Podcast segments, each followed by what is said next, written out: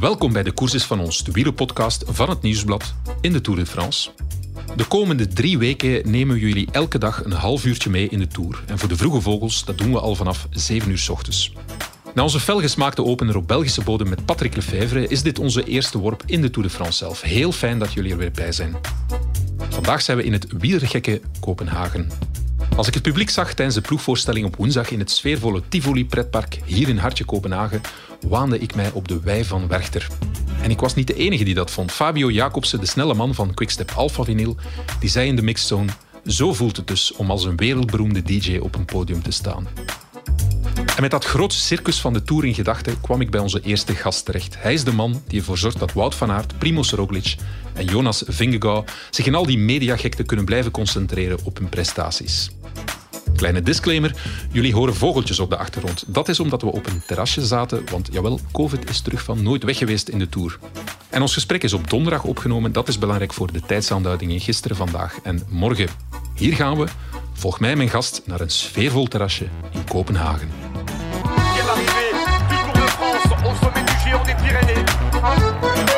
contrôle bien quelle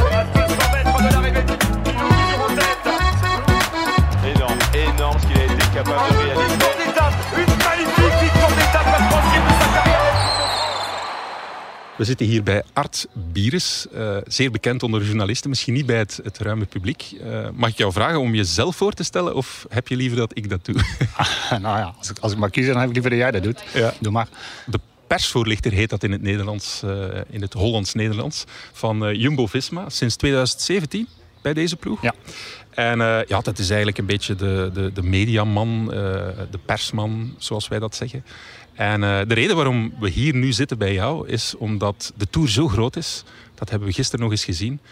Denemarken en Kopenhagen is echt gek van de Tour. Het was onwaarschijnlijk hoeveel volk daar in het Tivoli-park stond bij de ploegvoorstelling. En dat ik mij de vraag stelde daar ter plekke ook van... wat komt er allemaal op die renners af? Hoe gek moet dat zijn? En jij bent iemand die tussen die gekte staat van de Tour en de renners. En dan een renner die ons na aan het hart ligt. Wout van Aert natuurlijk, onder andere. Dus voilà. Is dat een goede introductie, Aert? Ja, nou ja, absoluut. Klopt dat ik sinds 2017 bij Jumbo-Visma ben. En ja. daarvoor heb ik nog voor andere ploegen gewerkt Ja. ook. En als, als journalist. Ook opgeleid eh, tot journalist. En nu aan mijn tiende tour toe. Dus, eh, Tiende Tour. Ja. Ja. dat is al flink wat ervaring. Is die Tour door de jaren heen groter geworden? Grootser geworden? Ehm, ja, ik denk dat tien jaar geleden de Tour ook al gigantisch groot was. Ja. Ik was persvoorlichter bij uh, vakantielei DCM toen Johnny Hogeland in het prikkeldraad belandde. nou ja, en dat was daags voor de rustdag. Als je ziet wat er toen op ons afkwam op die rustdag. Ja. Dat was ook gigantisch. Alleen heb je natuurlijk de laatste jaren met, uh, met vanwege de covid-maatregelen... is er ook wel gewoon heel veel veranderd rond ja, hoe ons werk eruit is gaan zien. Ja. Maar ja, uiteindelijk blijft het hetzelfde. Het grootste wielerspektakel ter wereld. Een van de grootste sportevenementen ter wereld. Ja. Waarin ik altijd mijn best zal doen om, uh, om media zo goed mogelijk te faciliteren. En tegelijkertijd uh, de renners probeer zoveel mogelijk te beschermen... Voor, ja, dat, het, dat het niet te veel wordt voor Ja. hun. Zodat het uh, prestaties zal gaan beïnvloeden. Ik stelde mij gisteren ook de vraag, als al dat publiek daar stond, van hoe groot is dat nu voor die renners? Want zij hebben dat al heel veel meegemaakt, ze hebben heel veel ervaring. Ik was wel geïmpressioneerd, moet ik zeggen, door de massa die daar was.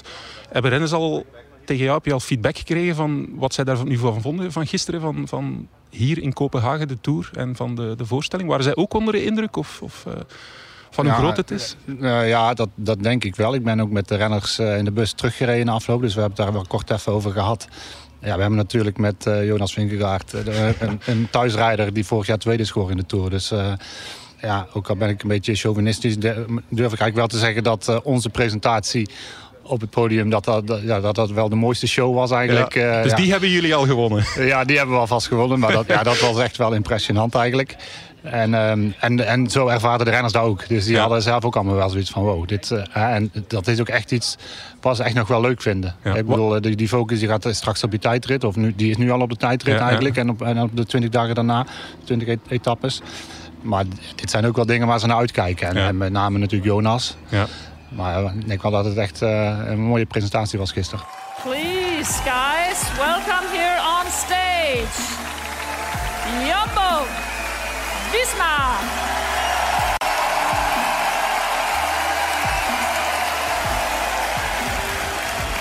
And are you ready? Are you ready, Tivoli? From Denmark, last year's runner-up, Jonas Vingegaard.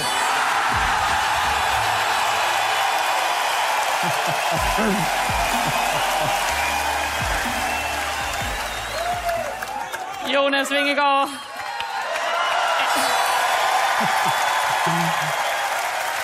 Am I right if I'm saying that you are a bit touched emotionally right now? Yes. Yes, I could tell. Do you have something you want to say to these guys?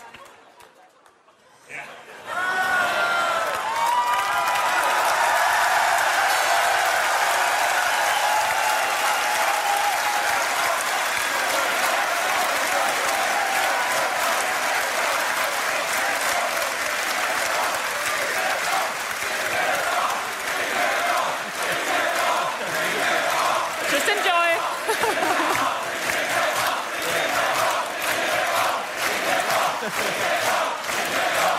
Vingegaard, Vingegaard, Vingegaard, Vingegaard.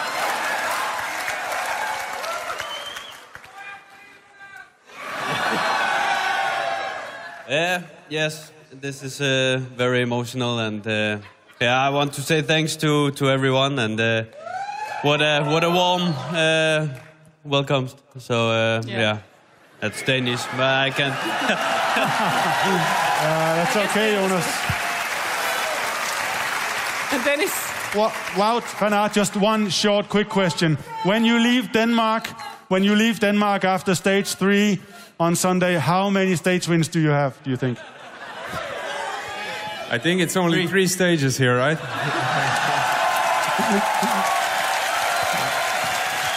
Thank you. Thank you so much. Team Jumbo Visma, let's send them off with a Copenhagen cheer. Jonas Vingegaard. Ja, want wij stonden in de mix zo een beetje er ver van weg. Wat is er precies, eh, wat is er precies gebeurd? Of wat is er precies, hebben jullie iets speciaals gedaan? Of was het gewoon het, het enthousiasme van het publiek richting Jonas Vingegaard? hè? Ja. Zo spreken ze het Nou, uit. Ja, wat eigenlijk vooral mooi was, is dat eh, Jonas gewoon emo- emotioneel werd. Van, Ja? ja? ja, van, eh, van die aandacht die er voor Ja. hem was. En het applaus wat hij kreeg. En hij werd letterlijk eh, toegezongen. En dat deed heel veel met hem. Maar je zag dat het dus ook iets deed met de presentatoren op het podium. Met de andere renners van onze ploeg. Ja. Waardoor het eigenlijk ja, nog een beetje versterkt werd. Ja. Daar ontstond echt iets. Ja, wat, wat al die tienduizenden mensen die er waren eh, voelden. En, en konden zien op, op grote schermen. En dat was, eh, daardoor ontstond ook een, een, een, echt een, een hele mooie, authentieke sfeer. En uiteindelijk werd het afgesloten met de vraag aan Wout van Aert. Met ehm, Wout, eh, hoeveel ritten denk jij hier in Denemarken eh, te winnen? En hoeveel? Ja, hij zei van, eh, ja, er, er zijn er maar drie. ja, en, dat was een beetje het einde. Maar het was een beetje ja, hoe. Dat, hoe dat de sfeer op dat podium was. Ja, en ja. ja, het, het was echt ja, een show. ja. Dus hij kan, kan er niet meer dan drie winnen. Dat Nee, is inderdaad een goed antwoord.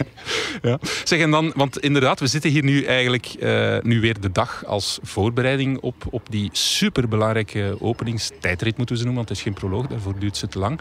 Ehm, ja, hoe gek is dat van enerzijds eerst die, die ploegvoorstelling en dat enthousiasme en nu totale focus. Heb jij die, zie je dat dan s ochtends aan het ontbijt, dat die renners nu echt, en dat de hele ploeg trouwens, in een, in een bepaalde focus is gekomen?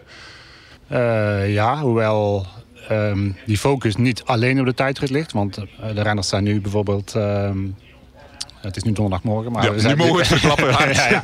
tegen, Ze zijn nu de, het- de, de, de rit 2 aan het verkennen. Of althans eh, de laatste, de finale daarvan. Hè, met die brug. Eh, dus de focus ligt niet alleen op de tijdrit. Maar eh, ehm, uiteindelijk is dat een voorbereiding die al, al weken en eigenlijk maanden eh, bezig is. Want eh, de dagindeling, Ja. eh, met welke auto's eh, hoe laat naar de start gaan en dergelijke... die heeft Frans Maas eh, weken Ja. geleden al gemaakt. Dus wat dat betreft... eh, maar kijk, waar waar renners vaak wel heel goed in zijn, eh, is in het omzetten van knoppen. Gisteren was die presentatie en hebben we wat andere mediaverplichtingen gehad en zo, Ja. dat soort dingen. Ehm, maar vaak is het ook eh, een half uur na de presentatie, dan gaat die knop weer om. En dan Ja. zie je alweer dat het. eh, ja, ik bedoel, wij weten natuurlijk, denk ik, als geen andere ploeg eh, waar we hiervoor zijn en wat er voor nodig is, hoe daarmee om te gaan. En daar gaat, iedereen is daar heel professioneel in. Ja. Ja, dus je moet niet blijven hangen in, in, in een mooie moment van, van zo'n presentatie als gisteren. Ehm, ja, en ja, inderdaad, nu alle ogen op de tijdrit en, en alles wat daarna komt. Ik vond het heel grappig. Zag je twijfelen van, ga ik het nu zeggen dat ze die rit aan het verkennen zijn? Omdat we hebben daar straks over gehad. Van ja, die, die renners willen eigenlijk in alle rust eh, ja, die rit gaan verkennen, die tweede rit. Maar eh, ja, journalisten proberen die rust te verstoren. Hè, door, eh, enfin, niet, ze proberen die niet te verstoren, maar proberen foto's te nemen, toch nog eens met Wout te spreken enzovoort. Dus je probeert dat geheim te houden. Nou, nee, dat was eigenlijk niet per se de insteek. Ik was eigenlijk meer aan het nadenken van, oké, wanneer wordt het uitgezonden en waar, en waar zitten we nu? Dat ik niet ehm, eh, eh, vandaag zei waar het morgen moest zijn of zoiets. Ja, dus ja, dat was eigenlijk meer mijn overweging. Want nou ja, kijk, het is geen geheim eh, dat we verkennen. En we zullen ook niet de enige ploeg zijn die verkent. En, eh, en het hoort er ook gewoon bij. En het hoort er ook zeker bij dat daar aandacht voor is. Ik bedoel, ja, hè, laten we wel zijn. Het is een super belangrijk sportevenement voor ons. Hè, waar eh, performance, hè, presteren voor ons ook eh, ja, absoluut op nummer 1 staat. Maar tegelijkertijd is het... eh, is het toen natuurlijk ook een, een groot mediaspectakel. En eh, eh, is het eh, marketingtechnisch en eh, publicitair gezien uh, super belangrijk. Dus ehm, ik zou het ook zeker niet willen omschrijven als verstoren. Ehm, maar ja, het is wel zo dat eh, ja, overal waar wij komen, en, en het is niet om arrogant te zijn, en met name waar Wout komt, daar is altijd, eh, ja, daar gebeurt iets omheen. ja, ja, hè? dat, dat, dat trekt de aandacht, hè? Met name van media, maar ook van supporters en wat dan ook. Ja. En dan voetballers, ja, als er een groot toernooi is of zo, een EK, WK, die zitten allemaal in een bubbel, afgeschermd in een trainingscentrum. Maar ja, we zitten hier vlakbij jullie hotel. De bussen, de wagens staan allemaal op de parking. Iedereen weet dat de ploeg hier zit. Ze kunnen een kijkje komen nemen in het ho- hotel. Het is een openbaar hotel. Ehm, ja, hoe moeilijk is dat? Hè? Want er komt ongelooflijk veel af op, hè, op, op, op, op jullie ploeg. Maar toch zijn jullie bijna onbeschermd ook. Jullie kunnen niet volledig afschermen. Hoe moeilijk is dat? Ja, dat klopt. We, mo- we moeten eigenlijk onszelf beschermen. Hè. Dus ja, enerzijds wil je ook echt wel als eh, open en warme eh, ploeg overkomen. En eh, tijd maken voor... Wat jullie zijn, hè? Kijk, je Ja, zit hier bij mij. ja, nee, maar, maar ook voor fans en zo. Tegelijkertijd hebben we nu natuurlijk eh, buiten het sportieve ook met COVID te maken. Wat, wat het allemaal nog eens extra, ehm, extra moeilijk maakt om ja, hoe je met andere mensen om kan gaan. Hè. We zouden misschien vaak best wel wat nog toegankelijker willen zijn. Maar dat is ja, nu gewoon niet verstandig. Maar ja, feit is inderdaad wel dat eh, we, zijn op de openbare weg. We zitten in hotels die niet eh, hermetisch afgesloten zijn. In tegenstelling tot eh, voetbaltoernooien bijvoorbeeld. Maar dat, we zijn er gewoon. Hè. Ik bedoel, dat is ook de charme van de wielersport. Dat is ook al zo oud als Methuselem. Ehm, dus ja. Ja. En wat komt er af op jullie ploeg bij zo'n tour? Want de tour is ongelooflijk groot. Eh, en jullie hebben niet toevallig eh, twee eh kandidaat-winnaars. En dan nog ja, een man die kandidaat groen is. En misschien wel de man die misschien geen drie ritten in Denemarken gaat winnen. Maar wel eens drie ritten in de tour zou kunnen winnen, bijvoorbeeld. Wat komt daar allemaal op af? Hoe, hoe groot is dat? Kan je dat concreet maken? Van, van wat moeten we ons daarbij voorstellen bij de gekte die daarop op afkomt? En, en hoe ver gaat dat? Tot, tot in welke details? Tot welke absurde situaties leidt dat? Nou, dat. Ja, eh, eigenlijk zelfs wat ik net zei, we zijn natuurlijk best wel veel gewend in de afgelopen jaren. Want het is een proces waar we ingegroeid zijn. Maar ja, je was gisteren zelf in de mixzone eh, in Tivoli Park. Ja, daar was de mixzone, die was zo groot. Dat ik al, toen ik daar een kijkje ging nemen om even in te schatten van ja, hoe gaan we dat straks doen. Dat ik al wel vrij snel in de gaten had van ja, dat gaat me in mijn eentje niet lukken. Om, eh, om drie verdetten, wat het eigenlijk zijn. Ja. En, en nog eens vijf andere renners op een goede manier te kunnen begeleiden. Dat het zowel voor de media als voor de renners uiteindelijk allemaal goed te doen is. Dus toen heb ik wel snel eh, hulptroepen ingeschakeld om. eh, ja, ja, dat is gewoon een klein voorbeeldje van ja, zo groot ehm, is de tour. En zo interessant zijn wij kennelijk als ploeg. Ja. Ja, dat je af en toe wel moet opschalen in, ja, in, in, in, wat je doet om Ja. het op een ordentelijke manier te laten verlopen.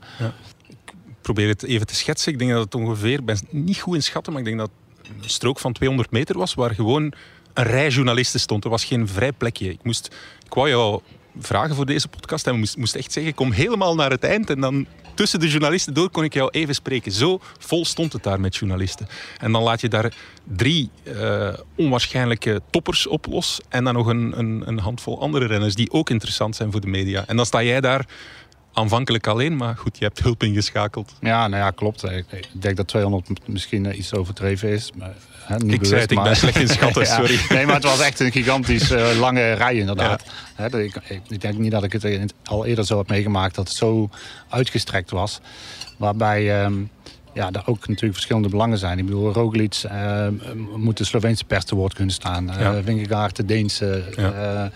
Eh, Wout moet sowieso even bij Sportza, VTM en de, en de Belgische journalisten langs. Hè, dat soort dingen. Dus ja, dat is wel eh, ja, dat is eventjes in, in 20 minuten heel efficiënt proberen te werk te gaan. Ja. En zonder dat de honderd loopt. En ik moet zeggen, dat is wel aardig goed gelukt. Dus eh, dankzij de hulp van mijn collega. Ja, duim omhoog voor de Art. Zeg, en je zei mij van... Ja, ik heb er toevallig over dit thema nog met, met Wout gisteren over gehad. Over, over wat er allemaal afkomt eh, op de Tour. Ja, dat ik vind ik zeer interessant. Eh, hij heeft daar zelf ook een mening over, een kijk op van... van ja, hoe, dat, hoe groot dat is en hoe hij daarin staat en hoe hij daar moet instaan. Hoe bekijkt hij dat zelf, wat er allemaal op hem afkomt? Nou ja, ik, ik bespreek dat met hem omdat ik, eh, ik vind dat een onderdeel van mijn werk. Ik voel me verantwoordelijk voor dat hij eh, in ieder geval hetgeen wat er op hem afkomt. En zeker als dat media betreft, dat, dat hij dat niet als vervelend ervaart. Hè? Dat, hij, dat hij dadelijk een halve seconde trager eh, eh, die tijdrit zou rijden omdat het allemaal zoveel is geworden. Dus eh, vandaar dat ik gewoon af en toe eens een keer... en mijn voelsprieten uitsteek bij hem. Van ja, hoe, hoe ging het op training? Waren er niet te veel motards zo die in de weg reden? Of dat soort dingen. Nou toen, ja, dan, dan geeft hij bij mij wel aan wat, ja, waar voor hem zeg maar, de grens ligt. En, en ook natuurlijk, eh, waar, hè, dat zijn acceptaties ook heel groot. Hè, laten we daarvoor opstellen. Ja, dat is waar, absoluut. We hebben niet te klagen, echt niet. Hij, hij denkt mee met ons en zo. Ja. En op een dag als gisteren, nou, er, er zijn gewoon vaste mediamomenten. Dat begon al eh, s morgens vroeg om, eh, om kwart voor tien was hij al aan de beurt in de persconferentie. Nou, en dat, eh, op het einde van de dag ehm, zijn wij als eh, één na laatste, maar uiteindelijk voordat we klaar waren, waren we de laatste ploeg in de mixzone om ook in de media weer te woord te staan. Nou, dat zijn op één dag twee momenten. Hè. Dat gaan we daar in de koers ook zien. We hebben altijd de start, we hebben altijd de finish. Dus er zijn altijd eigenlijk al twee vaste momenten dat je media te woord staat. Maar dan gebeurt het ook nog dat er eh, journalisten zijn die toch proberen voor, voor zichzelf een derde momentje te creëren. nou, kijk, en dat zijn wel de dingen.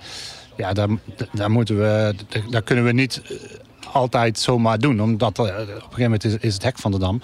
Ja. En eh, ja, dan weet je ook niet waar het eindigt. En ehm, ja, nou, daar heb ik het wel met Wout over. Eh, hij gaf zelf nog aan van ja, op de luchthaven.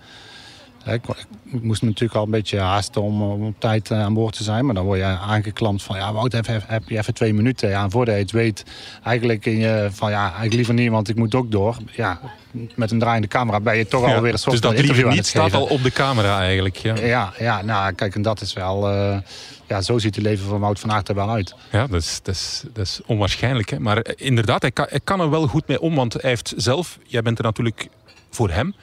Maar heeft toch ook een zelfredzaamheid, zal ik maar zeggen, om met dat soort situaties om te gaan. Want ik neem aan dat er ook, zelfs in zijn privé, als hij op vakantie is of als hij op stages, momenten zijn dat jij er niet bent. En dat hij het zelf moet beredderen. ja. Allee, ik hoop het dat er momenten zijn dat jij er niet bent. Ja, ja voor ons alle twee inderdaad.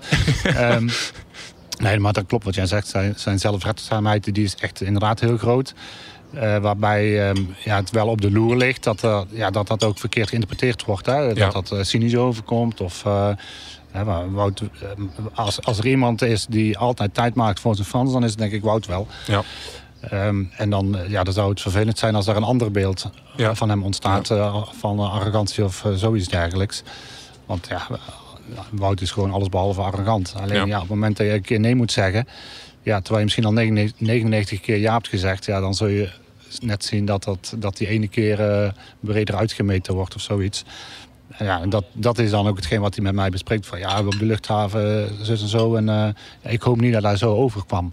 Ja. Nou ja, dan probeer ik hem daar een beetje of in gerust te stellen. is er wel of- mee bezig van, ik wil, ik wil, ik wil op zich niet, niet arrogant overkomen. Maar ja, goed, er zijn wel grenzen. Dus hij is daar wel mee bezig van, hoe, hoe kan ik die, die, dat evenwicht bewaren? Ja. Ja, ja, ik denk dat dat een eh, balanceeract is die hij als de beste beheerst. hè. Want ik bedoel, hij is van jongs af aan is hij gegroeid met, eh, dankzij het veldrijden. En eh, wat sowieso wat er meer op hemzelf, dat hij meer op zichzelf aangewezen was, omdat het een meer individuele sport is.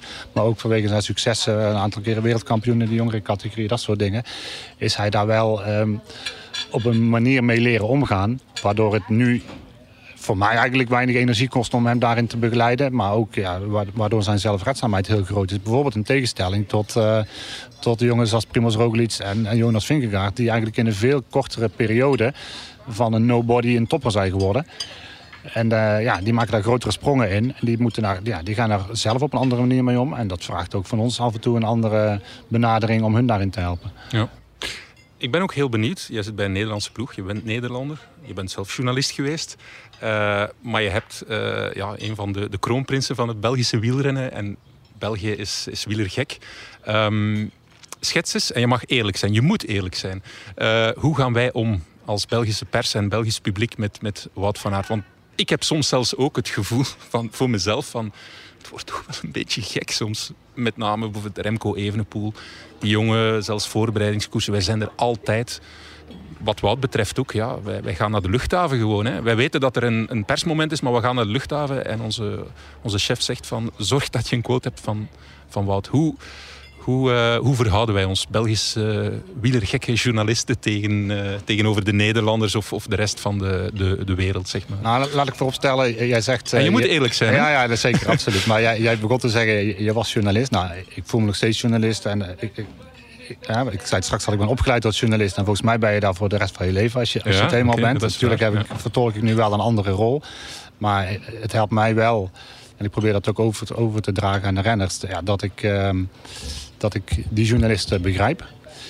En um, ik denk ook dat ik de meeste ken eigenlijk. Hè. Nog toen ik zelf uh, voor media schreef sommige journalisten die, die ken ik al vanuit die periode. Ja, dat wil ja. zeggen al 25 jaar. Um, dus uh, daarvoor opgesteld. Maar, uh, en het andere wat je aanhaalt, dat klopt denk ik ook. Hè? Jullie, jullie bazen, die sturen jullie ergens op af. En dat, ja, dat merk ik gewoon, vooral in België, best wel erg. Dat um, uh, dat VTM iets heeft. Of een nieuwsblad is bang dat het laatste nieuws iets heeft. Of zoiets dergelijks. Dat is een, is, een, is een wedloop die ontstaan is. Um, waarbij het vaak zelfs, ik, ik, wil niet eens zeggen soms, maar vaak zelfs zo is dat, dat de journalisten eigenlijk een houding aannemen van ja, ik vind het op zich niet erg als hij geen tijd voor me heeft. Maar dat ze eigenlijk bang zijn dat hij dan bij een concurrerend medium... dat hij daar wel wordt opgevoerd. Ja, ja. En dan hebben ze wel een probleem. Want dat, dat is dus uh, aan de superieuren niet uit te leggen, ja. zeg maar. Dus ja, dat, is, uh, dat, dat, is, vind ik wel iets wat ik... Ja, wat ik, mijn ervaring is dat ik eigenlijk alleen in België meemaak. Ja. Ja, dat is, dat is inderdaad. Uh, en de details waarin we het gaan zoeken, is dat ook, is dat ook soms absurd? Ik bedoel, uh, wat we allemaal willen weten over wat, waar we allemaal willen bij zijn enzovoort. Vind je dat ook absurd? Of, of nou ja, kijk, uh, um, dat je naar een voorbereidingskoers gaat, is prima. Het is gewoon een koers. En uh, dat dan journalisten bij zijn, dat is alleen maar mooi. Het is mooi voor die, voor die kleinere koers dat Remco Evenepoel er is. En dat daardoor het nieuwsblad er is. Ja. Um, en daar heb ik dus ook eigenlijk niet zo moeite mee. Hè. Wij weten ook, um, hè, we hebben een aantal kopmannen eigenlijk gedefinieerd. Mm -hmm. ja, daar is gewoon altijd aandacht voor. Ja. Ook al is het maar een kleinere koers. Dus wij weten als een kopman ergens rijdt, moeten wij gewoon zorgen dat de mediabegeleiding is. De renner is groter dan de koers of maakt de koers groot op dat moment. Ja, ja. precies. Waar ik dan meer moeite mee heb, is op het moment dat wij bijvoorbeeld aangeven... nou ja, dit, dit is wat we erover kunnen zeggen, dit is de waarheid... en meer valt er niet aan toe te voegen. Dat er dan vervolgens... Ja, dat er dat verzorgers of trainers of wie dan ook toch nog uh, benaderd gaan worden... Ja, alsof wij dingen achter zouden houden of zoiets dergelijks. En dat zijn mensen die daar ook ja, verder niet zo goed raad mee weten. Ik bedoel, ja, die hebben gewoon heel andere taken. En uh, die zijn ook niet zo gewend om, om media te woord te staan. Ja, en dan, dan vind ik ook wel dat je, dat je in de buurt komt van grenzen die je eigenlijk niet moet overschrijden. Ja. Oké, okay. goed. Uh, dat was een eerlijk antwoord, denk ik. Ja. maar het geeft ook aan, ja, inderdaad. Soms stellen wij ons, ons ook die vraag van, we gaan, we gaan heel ver. Maar ja, we willen alles weten. We willen alles weten over, over wij, in ons geval Wout en misschien ja, maar, andere landen. Ja, dat vergat ik eigenlijk te zeggen. Dat is natuurlijk ook wel... Um, wielrennen leeft natuurlijk enorm in ja, België. Ja. Ik bedoel, het komt ergens vandaan en dat is, dat is, dat is alleen maar goed. En um, uiteindelijk um, plukken wij er ook de vruchten van. dus uh, begrijp me niet verkeerd. Um, de, de beleving van, uh, van Vlamingen voor het wielrennen is natuurlijk gewoon fantastisch mooi. Hè? Dat, uh, dat geldt voor het publiek en dat geldt net zo goed voor media. Ja. Art, fantastisch. Het was heel fijn om uh, hier met jou te zitten. Ik zou zeggen een, een heel goede Tour de France. Dankjewel en tot binnenkort. Hugo, Tour. Elke dag nemen we jullie ook mee in de tijd. En dat doen we met een journalistiek monument van het Nieuwsblad. Hij werd wielerjournalist in mijn geboortejaar, 1983, en hij heeft 25 Tour de France's op zijn palmarès. Vandaag neemt Hugo Korvits ons mee naar zijn allereerste Tour, die van 1996. En die startte ook in het buitenland. En zo'n toestart die lokt niet alleen mensen met goede bedoelingen. Ja, ik herinner me niet meer als dat nu de donderdag de woensdag was. Maar we waren de eerste dag, laten we zeggen, eerste uur, waren we het hotel uit en eh, gingen we gaan eten. En ehm, toen we terugkwamen was er inbraak in de auto, zij eruit gesneuveld, radio eruit gehaald. Ik herinner me dat mijn portefeuille was blijven liggen op de achterbank, maar dat daar niks aan was en dat de autoradio was uitgehaald. Wij naar het politiekantoor en daar bleek dat er een file ontstaan was van allemaal mensen die hetzelfde probleem hadden. Dus er was blijkbaar een bende actief geweest. Die wist dat de Tour de France die dag eigenlijk aankwam. En dus gewoon uh, ja, keihard toesloeg. Dus was dat automatisch carglass vanaf de eerste dag.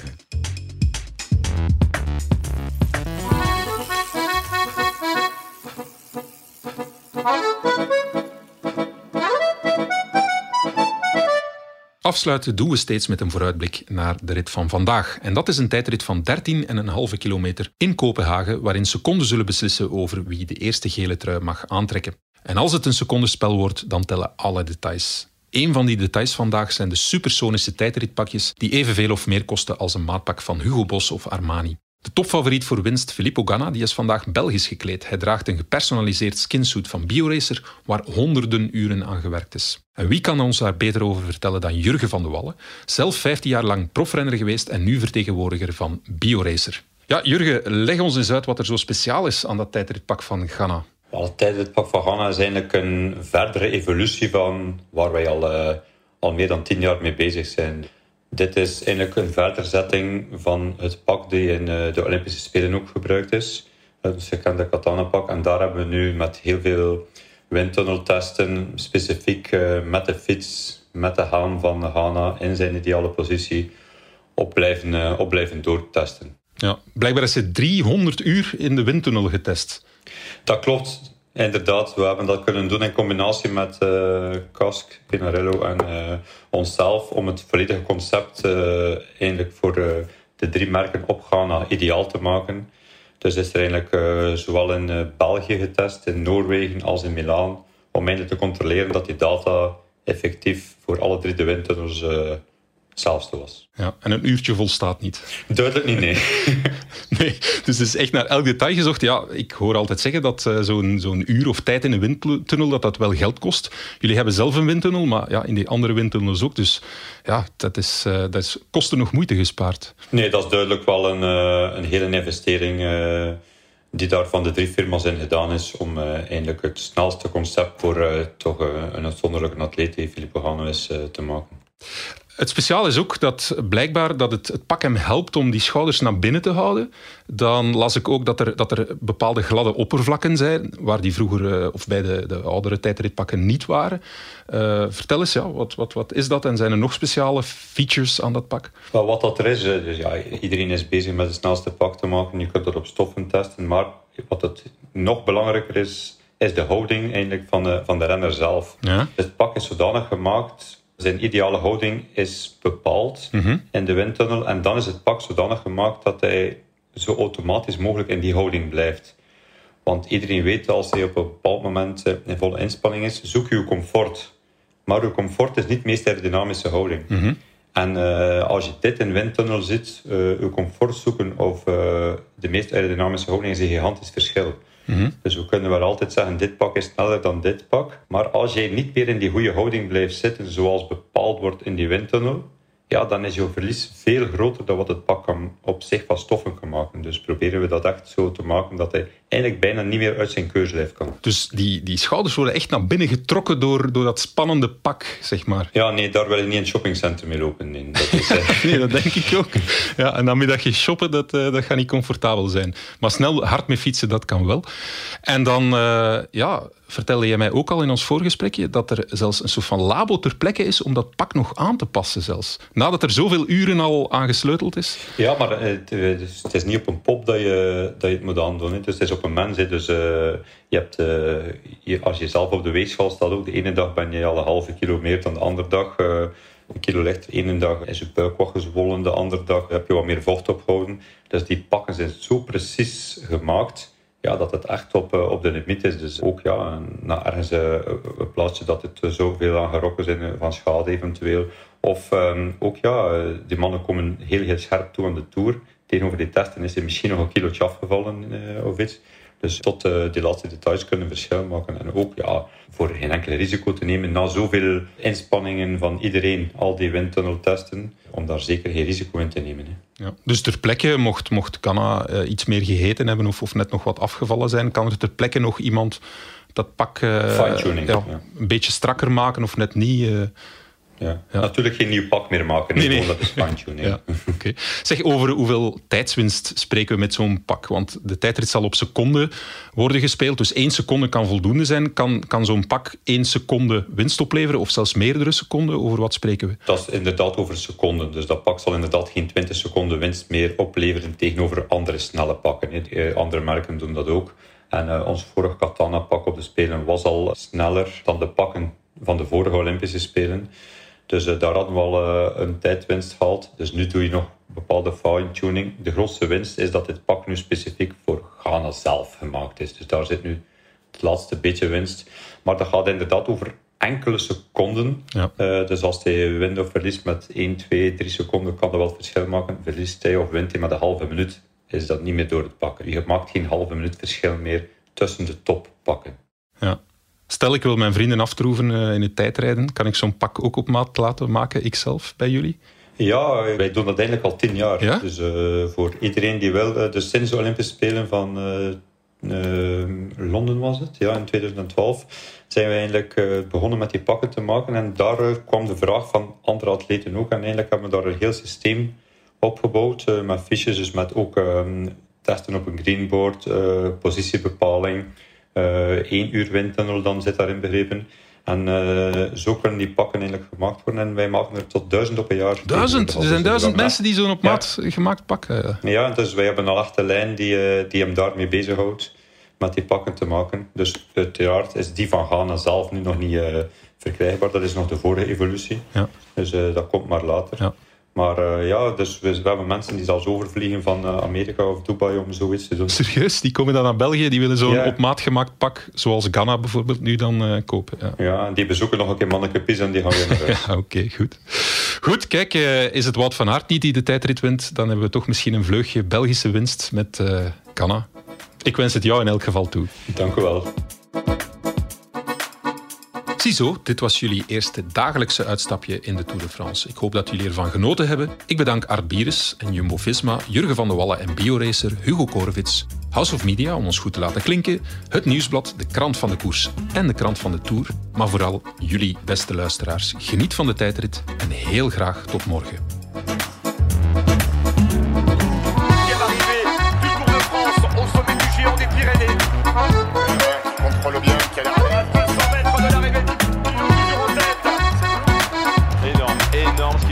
about